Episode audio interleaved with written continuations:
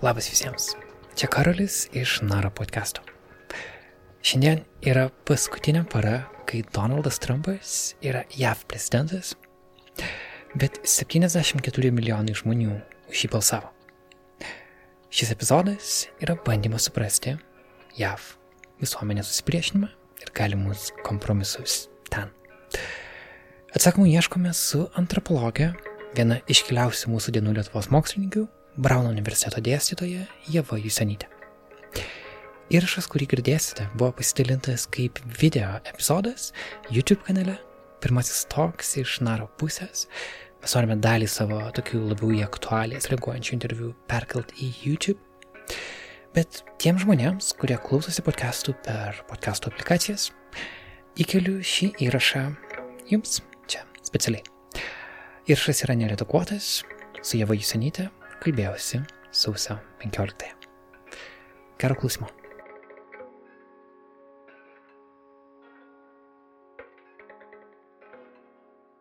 Labas, Jeva.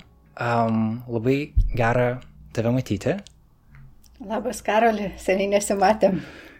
Jo, kaip paskutinį kartą matėmės, mes buvom Vilniui. Um, ir tu tuo metu buvai atvykus iš savo, na, padarius pauzę tarp savo dėstymo Harvarde.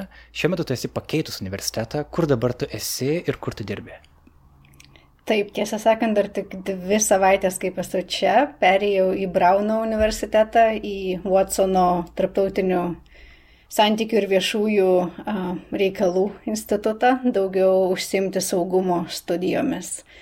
Ir persikrauščiau tik tai iš Massachusetts'o į Rhode Islandą, viena, vienos valandos atstumu nuo ten, kur anksčiau gyvenau. Mm. Tai uh, tiem žmonėm, kurie nėra susipažinę su tavo darbais, aš galiu pasakyti, kad JAV tu gyveni jau berots 15 metų, ar ne? Ir um, tave turbūt geriausiai pristatyti kaip antropologę. Aš pats geriausiai žinau tavo darbus prie JAV ir Meksikos sienos. sienos. Tu ten dirbai ir kaip tyrėja, ir taip pat kaip gaisrininkė. Ir apie savo patirtis ir tyrimus ten parašiai knygą pavadinimą Threshold, kuri pernai buvo pripažinta geriausia knyga JAV, kaip čia pasakyti, darbo, darbą tyriančių antropologų asociacijos geriausia knyga. Sveikina. Dėkui. Labai, labai gera buvo sužinot. Jo, ir tu patiesi užaugus Vilniui, aš dabar esu Vilniui, čia mes esame mm, karantinę, bandome Lietuvą, kaip čia paversti, ne, ne pirmaujančią šalimi pagal COVID skaičius Europoje, kokia buvom tapę dėje. Um, kokia tavo situacija šiuo metu jav, ar tu gali dirbti, ar tu gali išeiti iš namų, kiek yra griežta tvarka? Na, jav labai įdomi šalis šiuo, šiuo atžvilgiu ir man atrodo, koronos viruso pandemija parodė daug labai silpnų vietų um, šios valstybės. Šiuo metu aš galiu išeiti, galiu eiti parduotuvės, galiu eiti pasivaikščioti. Rekomenduojama, kad būčiau su kauke. Um, taip pat negaliu važiuoti į kitas valstijas. Pavyzdžiui, nebent tai būtų darbo reikalais. Turėjau grįžti į savo kabinetą Harvarde, pasimti keletą knygų už vakar Ir jeigu nebūčiau keliavus darbo reikalais, nebūčiau galėjusi važiuoti. Arba jeigu važiuočiau, turėčiau praleisti kelias dienas karantine ir tik tada jau galėčiau išeiti į miestą. Šiaip viskas nuo kovo mėnesio vyksta internetu. Tai visos mano paskaitos, visi seminarai, visi susitikimai su studentais, um, bendravimas su mano tyrimo dalyviais Meksikoje, viskas vyksta per Zoom arba Microsoft Teams Tai iš esmės sėdžiu namie, tik tai išeinu pabėgioti ir nuvažiuoti parduotuvę, nusipirkti maisto. Um, daugiau nieko negalėjau netgi perkelti savo kabinetą į naują kabinetą knygų, nes nors nėra draudžiama, pati persikėliau, persikrauščiau čia, atvyko um, visas sunkvežimis su mano baldais ir tai nebuvo labai sudėtinga, bet man atrodo, kiekvienas turime prisimti ir savo atsakomybę ir neplatinti viruso. Be tai nors šiuo metu gyvenu viena, man atrodo, kad, kad, um, kad svarbu vis tiek laikytis tų taisyklių, kurių tiek daug žmonių dėja nesilaiko, nes jos nėra uh, jie nėra jokio prievartos, jeigu nesilaikysi, ar kokių mm. baudų. Mm. Minėjai tyrimą Meksikoje, gali uh, trumpai pasakyti, ką būtent turi čia ginklų temą lieti jame, ar ne? Taip, man labai įdomu pažiūrėti, kokią įtaką JAV, JAV ginklų politika ir kultūra daro smurtui Meksikoje, kur kiekvienais metais vis daugėja um, nusikaltimų ir žmogžudysčių skaičius ir apskritai yra labai silpna teisėtvarko sistema ir labai griežti ginklų įstatymai. Bet ta siena, ant kurios aš dirbau anksčiau žiūrėdama, kas vyksta iš Meksikos į Junktinės Amerikos valstijas, dabar man įdomu žiūrėti, kaip Junktinės Amerikos valstijos per ginklus įtakoja tai, kas vyksta Meksikoje. Mm. Ir priežastis, kodėl aš norėjau tau paskambinti, yra, iš tikrųjų, daug jų yra, bet toks kaip kul, kulminacinis taškas buvo tai, kas įvyko sausio 6, kada uh, JAV kongresas turėjo pripažinti mm, prez, prezidentų išrinktą Joe Bideną, na, kad jis yra prezidentas, kad jį galima uh, galima inauguracija ir tada um, dalis žmonių, kurie susibūrė kaip protestą ten, užėmė uh, Kapitolijaus rūmus. Um, kažkas atsinešė konfederatų vėliavą ten. Penki žmonės žuvo, tarp jų vienas policininkas, kuriam tiesiog um, gesintuvu, gaisrininkų gesintuvu buvo trenkta per galvą ir daug tokių istorijų iš tos, tos dienos yra, daug, daug kas ją, labai labai daug kas pasmerkė, bet kitiems žmonėms tai yra kaip kova už, kova už jų pasaulio viziją ir kova už Donaldą Donaldą Trumpą, jie nepripažįsta jo, na, kad jis pralaimėjo rinkimus ir um, daug kas sekė po to. Uh, Trumpas pašalintas iš Twitterio ir Facebooko, daug tų pačių jo atsikėjų buvo iš ten pašalinti, dabar jie sugrįžo į, internetą per įvairias e, kitas platformas, kitus komunikacijos kanalus.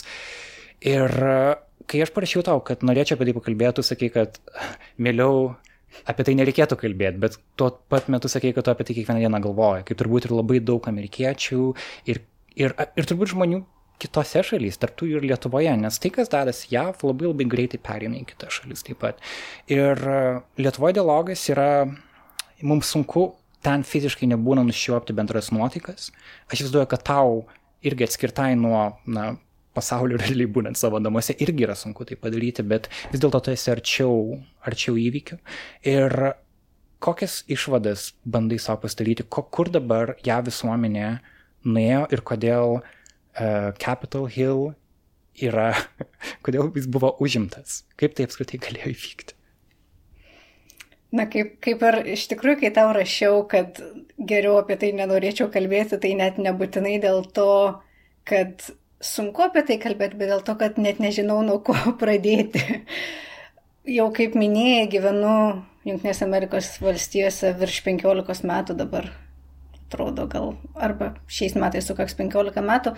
Ir man atrodo, kai čia atvykau, labai daug nesupratau ir labai nežinojau Amerikos istorijos. Ir ypač, sakyčiau, per keletą pastarųjų metų, bet ypač po prezidento pastarųjų buvusių prezidento rinkimų 2016 metais pradėjau daugiau skaityti apie Amerikos istoriją, bandydama suprasti, kas čia vyksta. Ir, ir manau, kad netgi uh, kalbant apie kap, šitą maištą, protestą, kuris virsto maištu kapitolijui, labai sunku, labai sunku apie jį kalbėti nekalbant apie daugybę kitų dalykų, kurie vyksta Amerikos visuomenėje. Nuo susiskaldimo, kuris yra toksai gana, gana aršus šiuo metu, iki to, kas vyksta su žiniasklaida, nuo vėlgi nepasitikėjimas žiniasklaida, nepasitikėjimas valdžios institucijomis.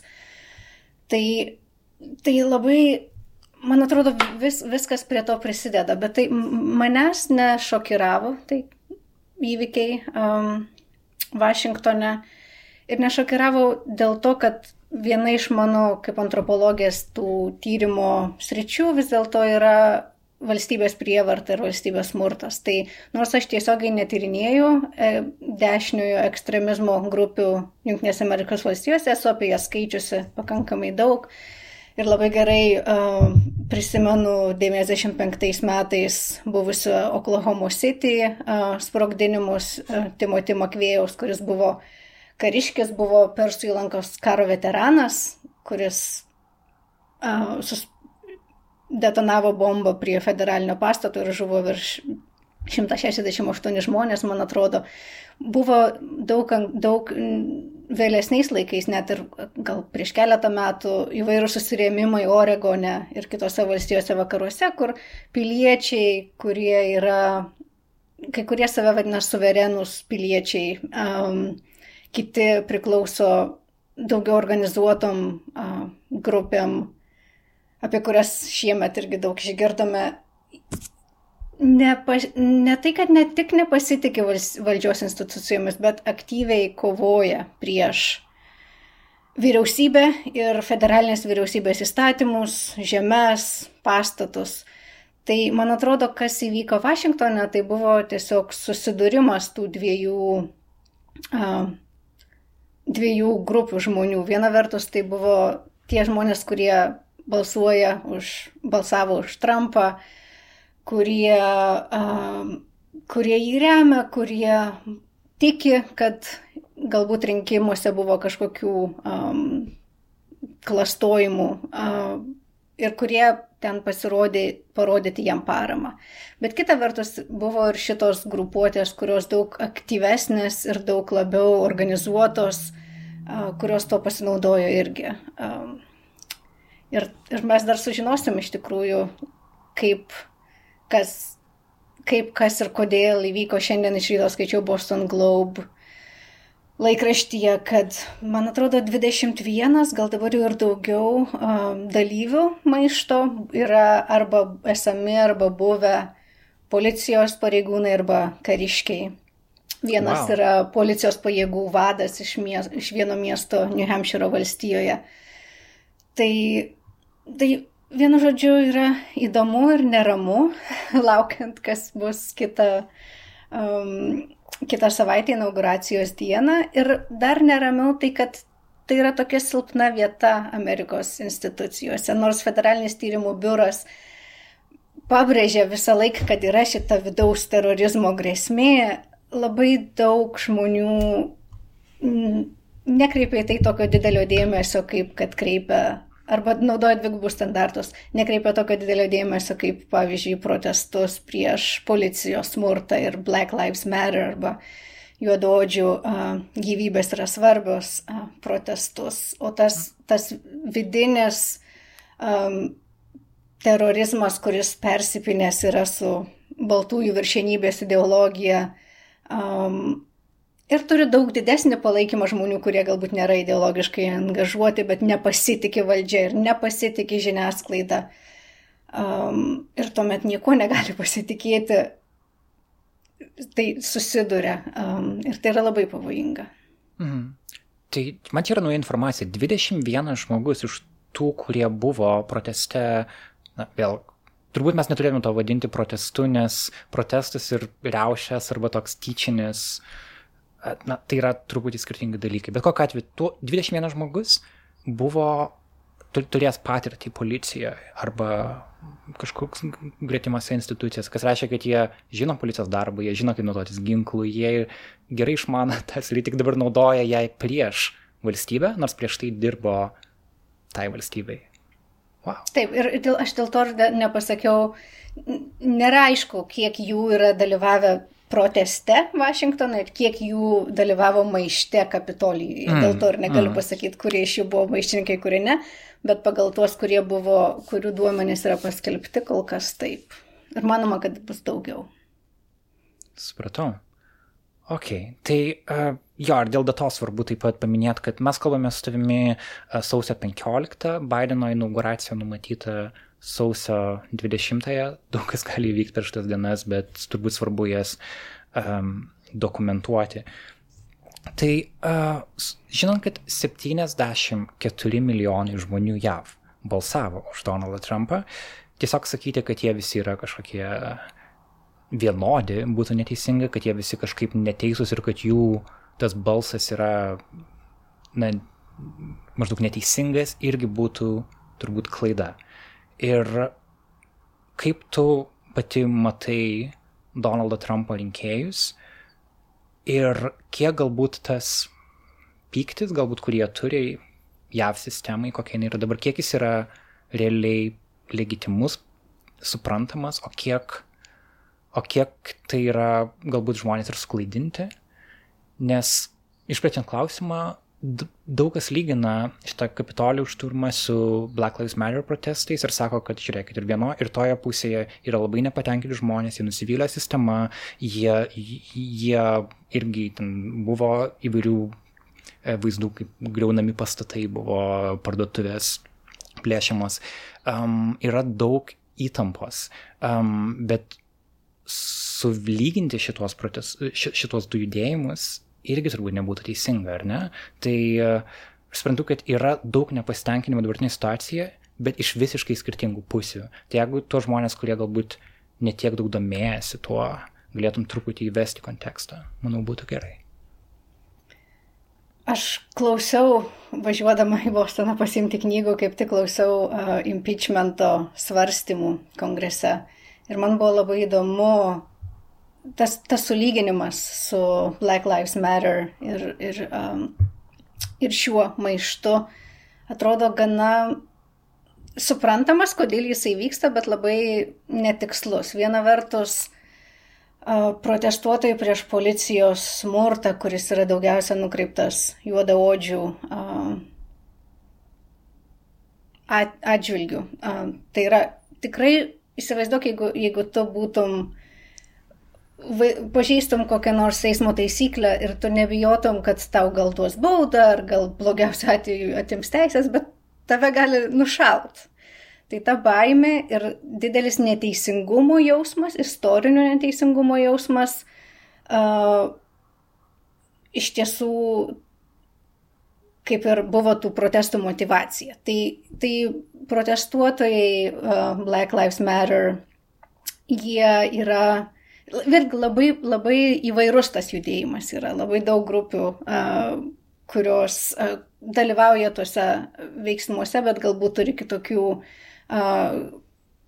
konkrečių pasiūlymų, kiti tiesiog rėmėjai susirenka į protestus, bet noras vis dėlto jų buvo um, kritikuoti arba pasiekti teisingumą. Tai yra kritika valdžios institucijų, kurios uh, ne, negarantuoja jiems teisės gyventi ar negarantuoja daliai Amerikos piliečių teisės gyventi, kvepuoti. Kas, jeigu bandysime palyginti su protestais iš, iš kitos pusės, Trumpo šalininkų nepasitenkinimu, jų nepasitenkinimas nėra kažkokio nepasitenkinimo valdžios konkrečiais veiksmais, daugiau tas nepasitenkinimas yra iš baimės. Baimės, kuri yra kurstoma politikų ir dėja žiniasklaidos ir socialinių medijų dabar, kurios yra labai susiskaldžiosios, baimė, kas bus, jeigu jie neteks valdžios baime, kad ateis progresyvūs uh, politikai, kurio, kurie iš jų atims ginklus, kurie jam nebeleis kalbėti, varžys jų žodžio laisvę, varžys visokias kitas laisvės, lieps užsidėti kaukės ir, ir, ir, ir uždarys restoranus. Um, tai tos baimės motivavo. Motiv, motivuoja labai daug. Ne tai, kad esama polit, nepasitikėjimas valdžios institucijomis ir baime, kad bus dar blogiau. Tuo atveju protestai, kurie vyko prieš policijos smurtą, man atrodo, turėjo daugiau pagrindo, nes buvo kažkokios kon konkretos veiksmai, mm. prieš kurios buvo, um, mm. kurie buvo kritikuojami. Ir kita vertus, nors buvo didelis nusivylimas valdžios institucijomis ir ta pačia policija, kažkoks dar buvo tikėjimas, kad jos gal gali susitvarkyti ir, ir galima, galima tik, tikėtis uh, permainų. Hmm. Ir tavo akimis, kiek ta baime yra pagrista? Nes žiūrint iš europietiškų pozicijų, kartais atrodo, kad, na pavyzdžiui, ja, įman kokį nors, tarkim, Bernie Sandersą, kuris daugam atrodė pavojingas politikas jav, nes išsiūlo tokį dalyką, kaip pavyzdžiui, universali um, sveikatos sistema arba kad ir nemokamas, ne, nemokamas aukštasis mokslas. tai nėra radikalios idėjos. Mes Lietuvoje turim universalią medicinos sistemą kai tu lauki poliklinikoje Vilniui, tu esi universalios sveikatos sistemos dalis. Um, nemokamas aukštasis mokslas Lietuvoje taip pat egzistuoja. Taip yra žmonių, kurie moka už studijas, yra tų, kurie nemoka. Tai nėra ir, ir mūsų visuomenė dėl to netapo kažkokia, um, kažkokia, nežinau, labai kitokia.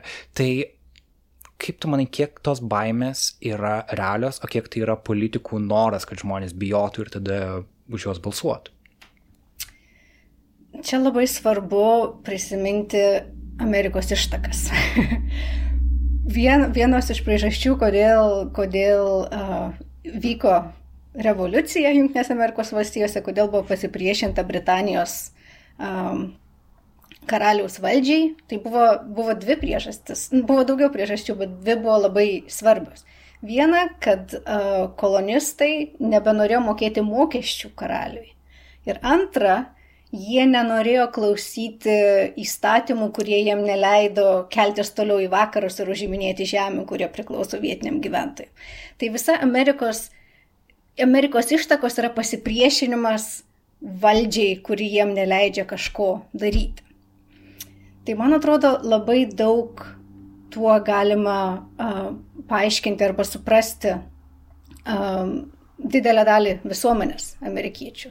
Tai yra ir, ir dabar koronos šito viruso um, situacija net užaštrino tuos, um, tas tendencijas, kad, kad žmonės nenori, kad jiem būtų nurodinėjama, jie nenori mokėti mokesčių uh, daugiau negu reikia ir nenori, o būtent mokesčiai iš mokesčių ir būtų finansuojama tiek sveikatos apsaugos sistema universaliai, tiek, tiek aukštosios mokyklos. Um, ir ir ta baime, kad gali būti vat, mokesčiai didesni, gali būti daugiau. Aš, aš sutinku, kad tai nėra. Ne, ne, ne visa ta ba, daug tos baimės yra nepagristos, bet jinai yra kurstoma dėl to, kad tai padeda politikam būti išrinktiem. Ir, ir, ir man atrodo, kad didelė problema to, kas dabar vyksta Junktinėse Amerikos valstijose, yra, kad uh, politikai neprisėma, neturi atsakingumo jausmo irgi. Jie labai nukreipia. Ir tai labiau matosi dėja respublikonų pusė. Aš turiu daug respublikonų pažįstamų ir draugų ir bandau su jais diskutuoti labai sunkomis temomis. Bet nėra, net politologai sako, kad nėra kažkokios programos, kad respublikonai šiuo metu neturi programos. Jų visa programa yra motivuota, kad mes nenorime jog ateitų į valdžią um, progresyvūs uh, politikai, nes iš mūsų bus pamažu atimamos mūsų laisvės. Bet kokia būtų, kad jų kažkokia uh, pozityvi programa kažką daryti, jos, jos kaip ir nėra, nebeliko. Tai visas tas baimės kurstimas dėja vienintelis būdas tapo motivuoti rinkėjams ateiti į rinkimus. Ir ir tai susiję vėlgi su tai, kad tas susiskaldimas Amerikos visuomenės labai daug susijęs su tuo, kad net nebėra, nebėra sutarimo, kur, kas, kokie yra faktai arba koks yra bendras, bendras suvokimas tikrovės. Dėl to, vėlgi, dėl to, nepasi, dėl to, kad nėra daug nebėra vietinės žiniasklaidos, daug kur nebėra vietinių laikraščių, kurie rašo apie vietinės savivaldos um, klausimus. Žmonės gauna naujienas daug iš draugų per socialinės medijas arba iš tų žiniasklaidos priemonių, kuriomis pasitikė. Ar tai būtų Fox News vienoje pusėje, ar tai būtų CNN ir New York Times. Ir nebėra, nebėra kažkokio viešo forumo, viešos erdvės, kur būtų kur būtų pripažįstama, kad tokia yra situacija, galbūt yra skirtingos nuomonės, bet skirtingos nuomonės turi teisę būti. Yra mano du dabar jau buvę kolegos politologai Harvarde, Steven uh, Levitsky ir uh, Daniel Ziblat parašė knygą prieš keletą metų, jie vadinasi knyga Kaip demokratijos miršta. Ir hmm. vienas jų pagrindinių argumentų toje knygoje buvo, ir man atrodo labai um, protingas argumentas, paremtas. Um, jie studijavo tiek Europos istoriją 20-ojo amžiaus, tiek Latino Amerikos, kur daug tokių buvo autoritarinių um, situacijų. Jie, rašė, jie rašo, kad viena pagrindinių problemų yra tai, kad nebėra tolerancijos, nebėra abipusės tolerancijos. Tavo oponentas nebeturi teisės egzistuoti ir jo nuo, ne, ne, ne, ne, nėra pripažįstama, kad nesvarbu, ar tu esi demokratas ar respublikonas, kad, kad tavo kad, tu, kad, kad tau ši valstybė rūpi, kad tu esi patriotas, kad tu, um, kad tu turi kitą nuomonę, su kuria verta ginčytis galbūt. Tiesiog yra to, tokio priešininko legitimumo nebepri, nebepripažinimas, kuris yra mhm. pavojingas. Mhm. Jo, šiuo metu skaitau uh, Barack Obama šitą šviežiai išleistą jo autobiografiją, kuris kalba apie rinkimus 2008 metais, kada jis tapo prezidentu ir aprašo ir Bushą, ir McCainą savo konkurentą. Ir atrodo, skaitai apie tuos laikus ir atrodo, kad tai yra kažkokia kita era, nors tai yra viso labo 12 metų atgal. Ir um, tai kažkaip Lietuvoje mes ir turbūt ne tik Lietuvoje yra sukurtas tas įvaizdis, kad JAV yra demokratijos kažkokia širdis, kad atrodo, tai yra tokia visuomenė, kuri sugebėjo su, sukviesti žmonės iš skirtingiausių pasaulio kampų ir iš tikrųjų pagal imigrantų skaičių, pagal žmonių, kurie nėra gimę Junktinėse valstijose, bet yra gyvenantis JAV, nėra kitos tokios vietos pasaulyje, kur tiek daug žmonių kažkaip būtų skūrę savo savo namus.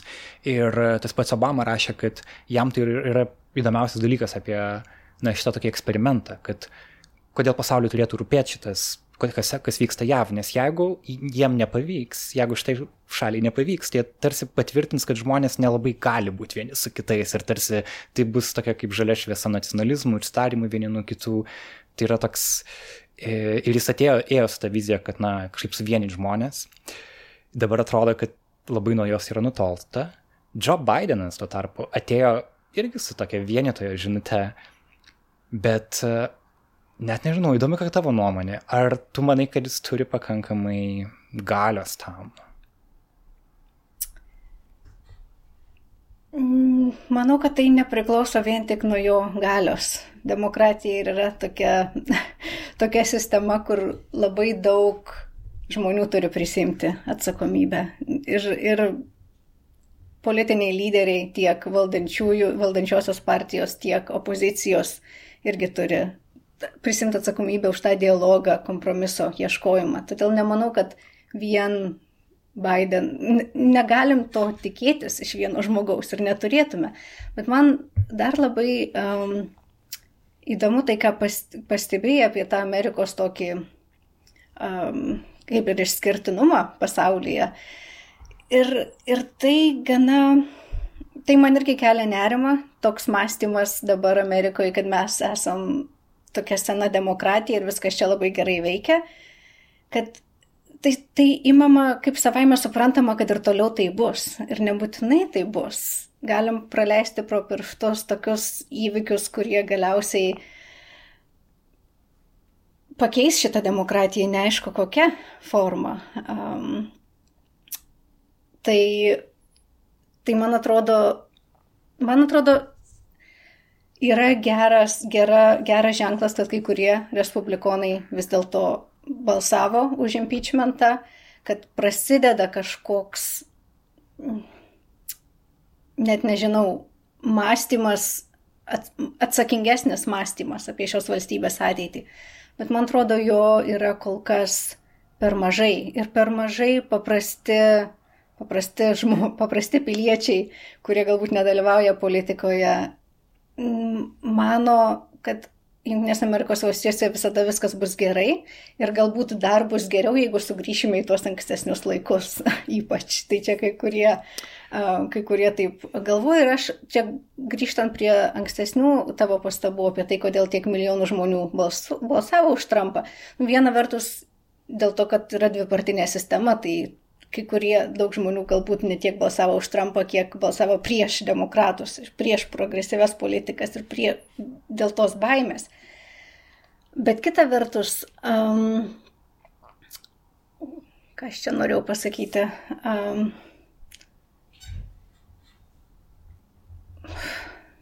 Viskas tvarkoja. Galim, jeigu, jeigu grįž mintis, galėsim, uh, galėsim prie jos irgi grįžti. Aš turiu dar keletą klausimų, kurie um, irgi iš lietuviškos perspektyvos, manau, yra sunkiai galbūt suprantami apie ją visuomenę, uh, bet yra svarbus. Pavyzdžiui, mes daug šiandien minėjom ginklus. Ir iš tikrųjų, prieš interviu uh, norėjau surasti statistiką, kiek realiai JAV yra ginklų, kiek um, kiek, kiek žmonės turi ginklų Junktinėse valstijose. Ir aš žinau, kad tai yra pirmaujanti šalis. Aš nežinau, kad yra tiek pirmaujanti. Uh, BBC skelbia, kad šimtui JAV gyventojų tenka 120 ginklų. tai reiškia, kad tu turi vidutiniškai daugiau nei po vieną ginklą. Čia turbūt tik tai, na, saugusių žmonių, bet vis tiek. Antroje vietoje yra Jemenas su 52 ginklai, šimtai žmonių. Ir tada, kai tu supranti, kiek yra įtampo šalyje ir kad tie žmonės realiai yra ginkluoti. Ir tai kelia baimę. Ir statistika 2020 metų yra labai skaudi. 19 tūkstančių žmonių JAV mirė dėl na, su ginklai susijusių įvykių.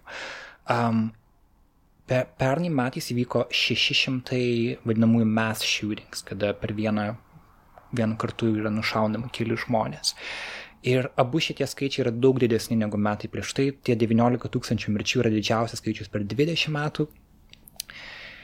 Ir tada viskas tampa truputį kitam lygmenyje. Viena yra būti visuomeniai susipriešinusiai.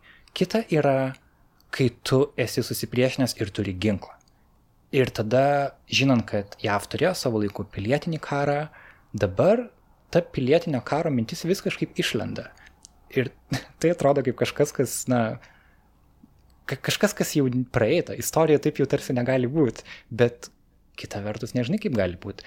Kaip tu manai, kiek realiai, galbūt mes esam tik kažkokiai, pirm, žinai, pradžioje daug blogesnių dalykų ir tie milijonai ginklų, kurie yra šitoj šalyje, tą prie to gali prisidėti. Bet, gal, bet aš nenoriu irgi kažkaip gazdinti žmonių ir klausytojų, bet aš tiesiog noriu suprasti. Tu daug daugiau apie tai žinai. Kokia tavo nuomonė? Taip, Amerikoje yra labai daug ginklų ir man atrodo, mes net nežinom, nėra duomenų, kiek jų yra, nes nėra jokio ginklų registro, bet pagal tai, kiek yra daroma bent jau tų background checks, kiek yra tikrinama žmonių, kurie nori nusipirkti ginklus, tai 2020 metai yra rekordiniai šitiek daug ginklų jau seniai nebuvo parduota. E, ir pirmiausia, tas didelis ginklų pardavimas prasidėjo, kai prasidėjo pandemija. Man buvo labai keista, bet kita vertus suprantama, tie patys žmonės, kurie pirko labai daug tualetinio popieriaus, po to pirko ginklus saugoti tą tualetinį popierių nuo kitų žmonių, kurie galbūt norės jį pasijungti. Bet buvo, buvo toks mąstymas, kad taip, kad gali kilti sumaištis visuomenė ir reikia ginkluotis. Ir tai, tai būna cikliška. Pas, pavyzdžiui, 2016 metais, kai Hillary Clinton kandidatavo ir uh, konkuravo su Trumpu, buvo labai daug ginklų parduota, prieš tai buvo labai daug ginklų parduota Obamos prezidentavimo metu. Rimtai. Trumpo prezidentavimo metu, tiesą sakant, labai nukrito ginklų prekyba. Jie visi turėjo. Bet, bet viskas pasitaisė šiais metais ir, ir kai kurios ginklų kompanijos dabar, aš netgi šiandien skaičiau uh, paskutinės uh, naujienas apie tai, reklamuoja, turi, turi ginklų reklamos kompanijas, kuriuose kalba tai, kad artėja pilietinis karas ir metas pirkti ginklus. wow. Tai, tai dėja pati, pati ta uh, industrija ginklų labai stipri. Aš uh, tiesą sakant laikiau, ką tik išlaikiau ginklų saugumo tokį testą, egzaminą Rodailendo valstijoje, nes jisai yra kitoks negu Massachusetts valstijoje. Man buvo labai įdomu, ką turi žinoti žmonės, kurie nori nusipirkti ginklą. Ir visi tie įstatymai labai priklauso pagal valstijas. Tai tiek Rodailendas, tiek Massachusettsas, jos yra gana, gana griežtos vis dėlto. Palyginti su Teksasu arba Arizona, kur gali jeigu tau yra 18 metų, kai kur 21 metai, gali eiti ir nusipirkti ginklą, kuriuo naudoja karo zonose snaiperiai, gali nusipirkti automatinius ginklus. Masačiusėse tokių negali nusipirkti. Vėlgi, koks skirtumas sienų tarp šitų valstijų nėra. Antroji konstitucijos pataisa, aš netgi pažiūrėjau, kaip čia ją teisingai išsiversti, um, sako maždaug Bet antroji pataisa buvo priimta 1791 mhm. metais, 18 amžiai. Mes neturėjome jokių automatų. Second Amendment, ar ne? Second Amendment. Nebuvo, nebuvo automobilių, nei lėktuvų, nei automatinių ginklų tuo metu, bet ta, ta paska, pa, pataisa sako, kad, sako labai įdomiai, sako, kadangi kaip reikiant tvarkoma militia, kuri lietuviškai sunkiai verčiama. Kai kas verčia kaip milicija, kai kas gali versti kaip um, sukarinta grupuotė. Kadangi Iš esmės, ta... tai yra piliečiai, kurie nusprendžia, kad jie patys, kad jiems nereikia policijos, nereikia kariuomenės, jie patys savo ginklais gins savo valstybę, savo kažkokį rajoną, sakykime, jeigu aš teisingai suprantu. Taip, labai mm. gerai. Tai vad jeigu jie, kad tokių piliečių egzistavimas yra būtina, lais, būtinas laisvos valstybės saugumui, piliečių teisė turėti ir nešiuoti ginklą negali, negali būti varžoma. Tai vėlgi labai daug interpretacijų kyla dėl to, ką reiškia tas, tas ta pirmoji šitos pataisos pusė, bet antroji reiškia, kad, um, kad labai sunku, į, į, sunku politikam um, priimti sprendimus, kurie varžytų ginklų, um, ginklų savininkų teisės.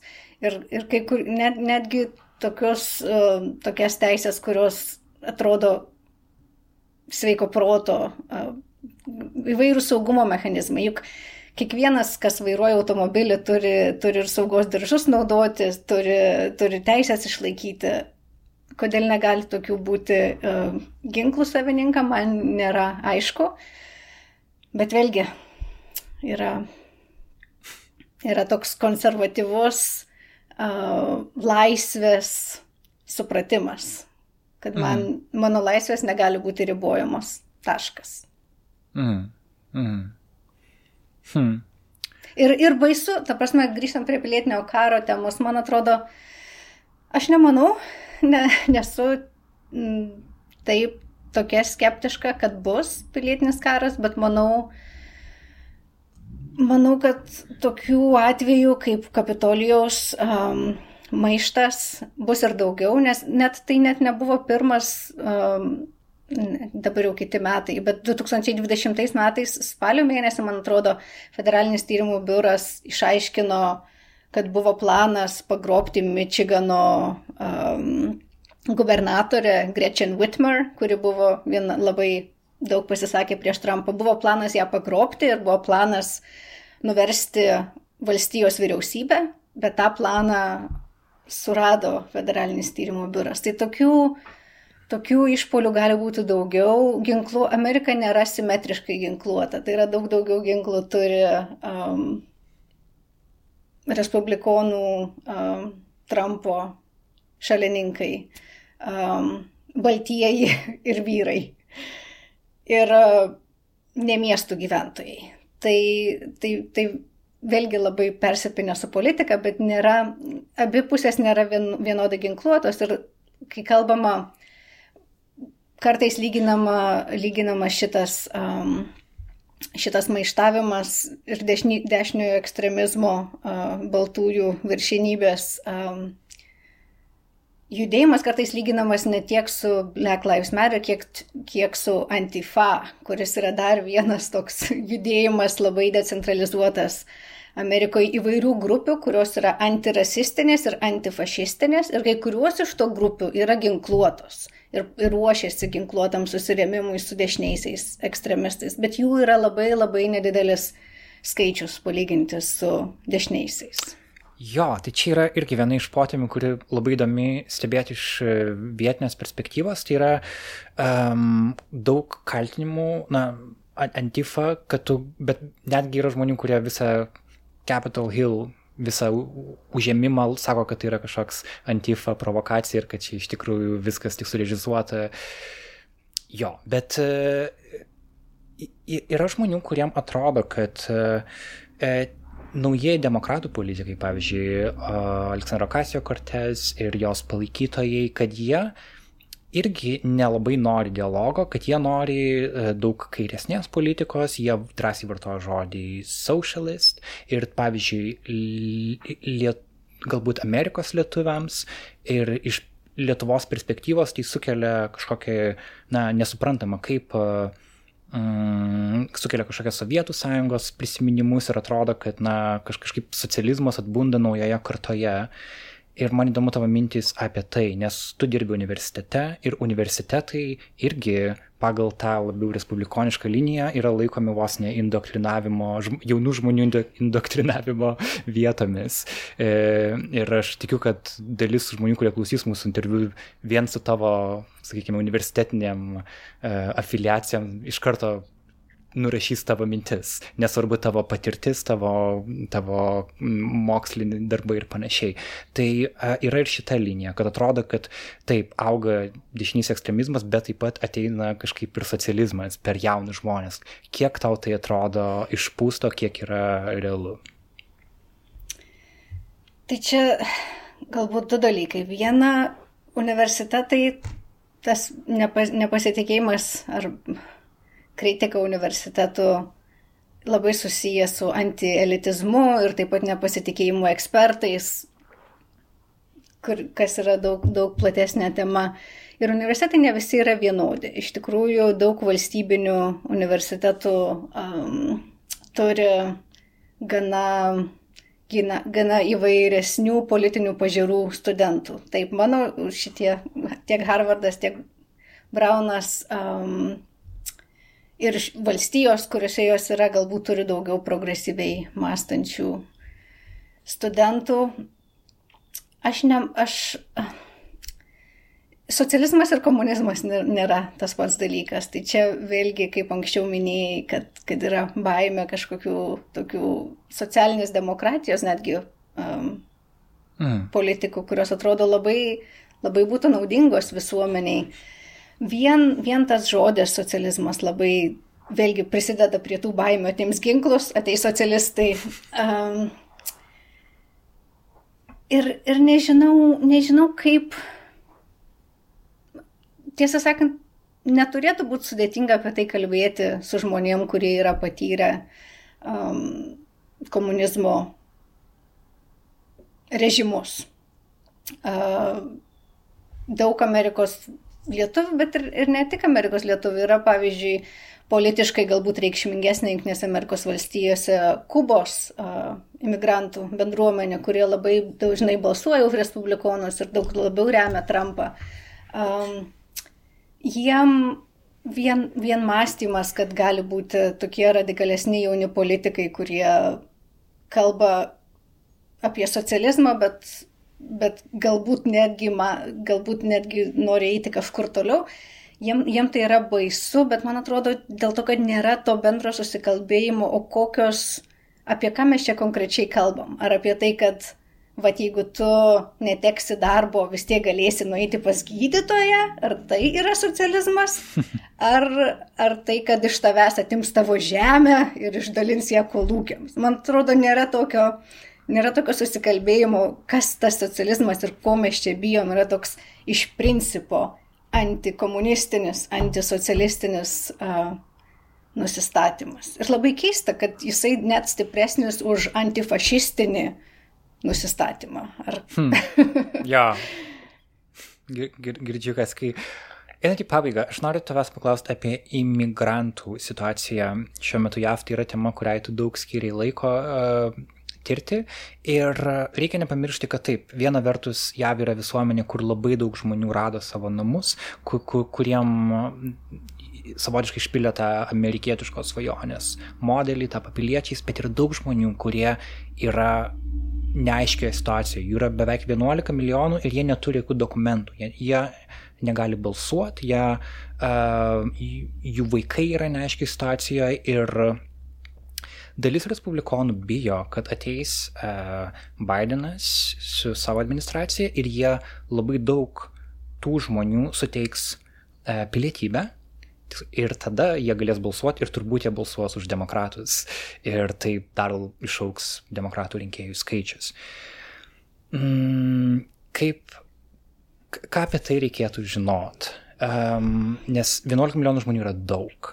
Ir, ir tas, tai, kad dalis žmonių realiai negali balsuoti e, ir negali dalyvauti demokratiniam procese, JAV labai dažnai tas yra užmirštama, kai kalbam apie šitą valstybę kaip apie kažkokį na, demokratijos išsipildymą. Tai kiek realu tikėtis jų situacijos pagerėjimo prie naujos administracijos? Kaip tau atrodo? Tiesą sakant, migrantai, kurie neturi dokumentų, nėra vieninteliai, kurie negali balsuoti. Kai kuriuose valstijose, pavyzdžiui, Floridoje, buvę kaliniai negali balsuoti. Nesvarbu, kad jau atsėdėjai, atitarnavai savo bausmę, tavo balsavimo teisės nėra atstatomos. Šiuo metu bandoma keisti tuos įstatymus kai kuriuose valstijose, bet yra tokių, kur atimama iš žmonių balsavimo teisė tapus kaliniu. Okay. Nežinau šito. Mm. Labai, labai viena iš tokių rimtų temų ir problemų, apie kurią nedaug kalbama. Dėl imigrantų, manau, kad tai labai yra supaprastintas požiūris manyt, kad jeigu jiems bus suteiktos balsavimo teisės ir galės jie pasilikti šioje šalyje, čia net nekalbant, kodėl tiek daug yra uh, imigrantų, kurie neturi teisės būti šioje šalyje. Tai susijęs su besikeičiančiais įstatymais ir kaip sunku dabar tapti nuolatiniu JAV gyventoju ir kaip kai kurios grupės buvo istoriškai um, kaip ar diskriminuojamas ir labiau atskirtos ir jiems sunkesnis kelias buvo, bet kita vertus, kaip įvairios tiek pramonės, tiek uh, žemės ūkio uh, kompanijos norėjo tokios labai pigios darbo jėgos, kuriai nereikėjo mokėti minimalaus atlyginimo. Tai kiek buvo interesų, tiek daug um, žmonių uh, leisti čia būti be dokumentų. Nes iš, iš tikrųjų netai būtų sunku, jeigu policija užsimanytų juos sugaudyti, galima būtų. Bet nėra, nėra, tai nėra nei politinis tikslas, nei, nei ekonominis tikslas. Tai tampa tik tai tokia kalba, labiau vėlgi, kai, kai bandai surinkti uh, rinkėjų balsus, tai jie tampa tokia korta.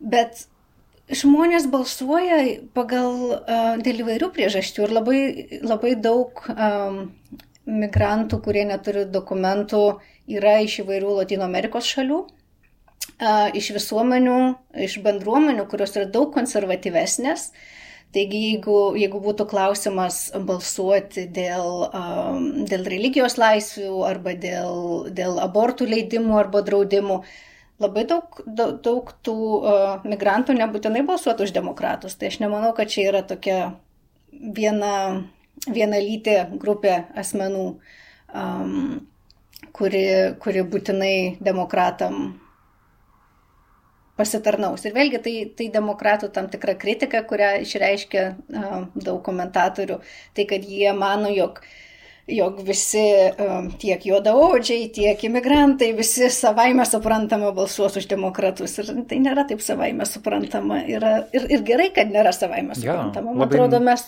Labai nuvertinimas žmonių kažkaip skamba tada. taip. Jo, iki tokio vienos dimensijos, tik tai uh, Jo. Bet labai greitai atsakyti, nemanau, kad pasikeis labai um, radikaliai ir uh, skubiai šitą situaciją. Tiek su siena, tiek su imigrantais, nes tai nebuvo vien Trumpo politika, tai yra kol kas ilgesnė Junktinio Amerikos valstijų um, tokia santvarka. Mm. Jeva, kas tau teikia optimizmą visai štai situacijoje? Mes negalim visą laiką tokio įtampai būti. Turbūt yra kažkas, kas, kur tu matai išeitis, randi kažkokią ramybę. Gali pasidalinti? Pas, pas daugiausia man įkvėpimo paskutiniais mėnesiais duoda studentai. ir labai, labai įvairiai. Kai kurie, kai kurie vien dėl to, su kokiamis susiduria problemomis asmeninėmis ir kaip vis tiek atsiduoda mokslui um, ir kaip, kokie stiprus vis dėlto yra žmonės, jie labai mane įkvepia.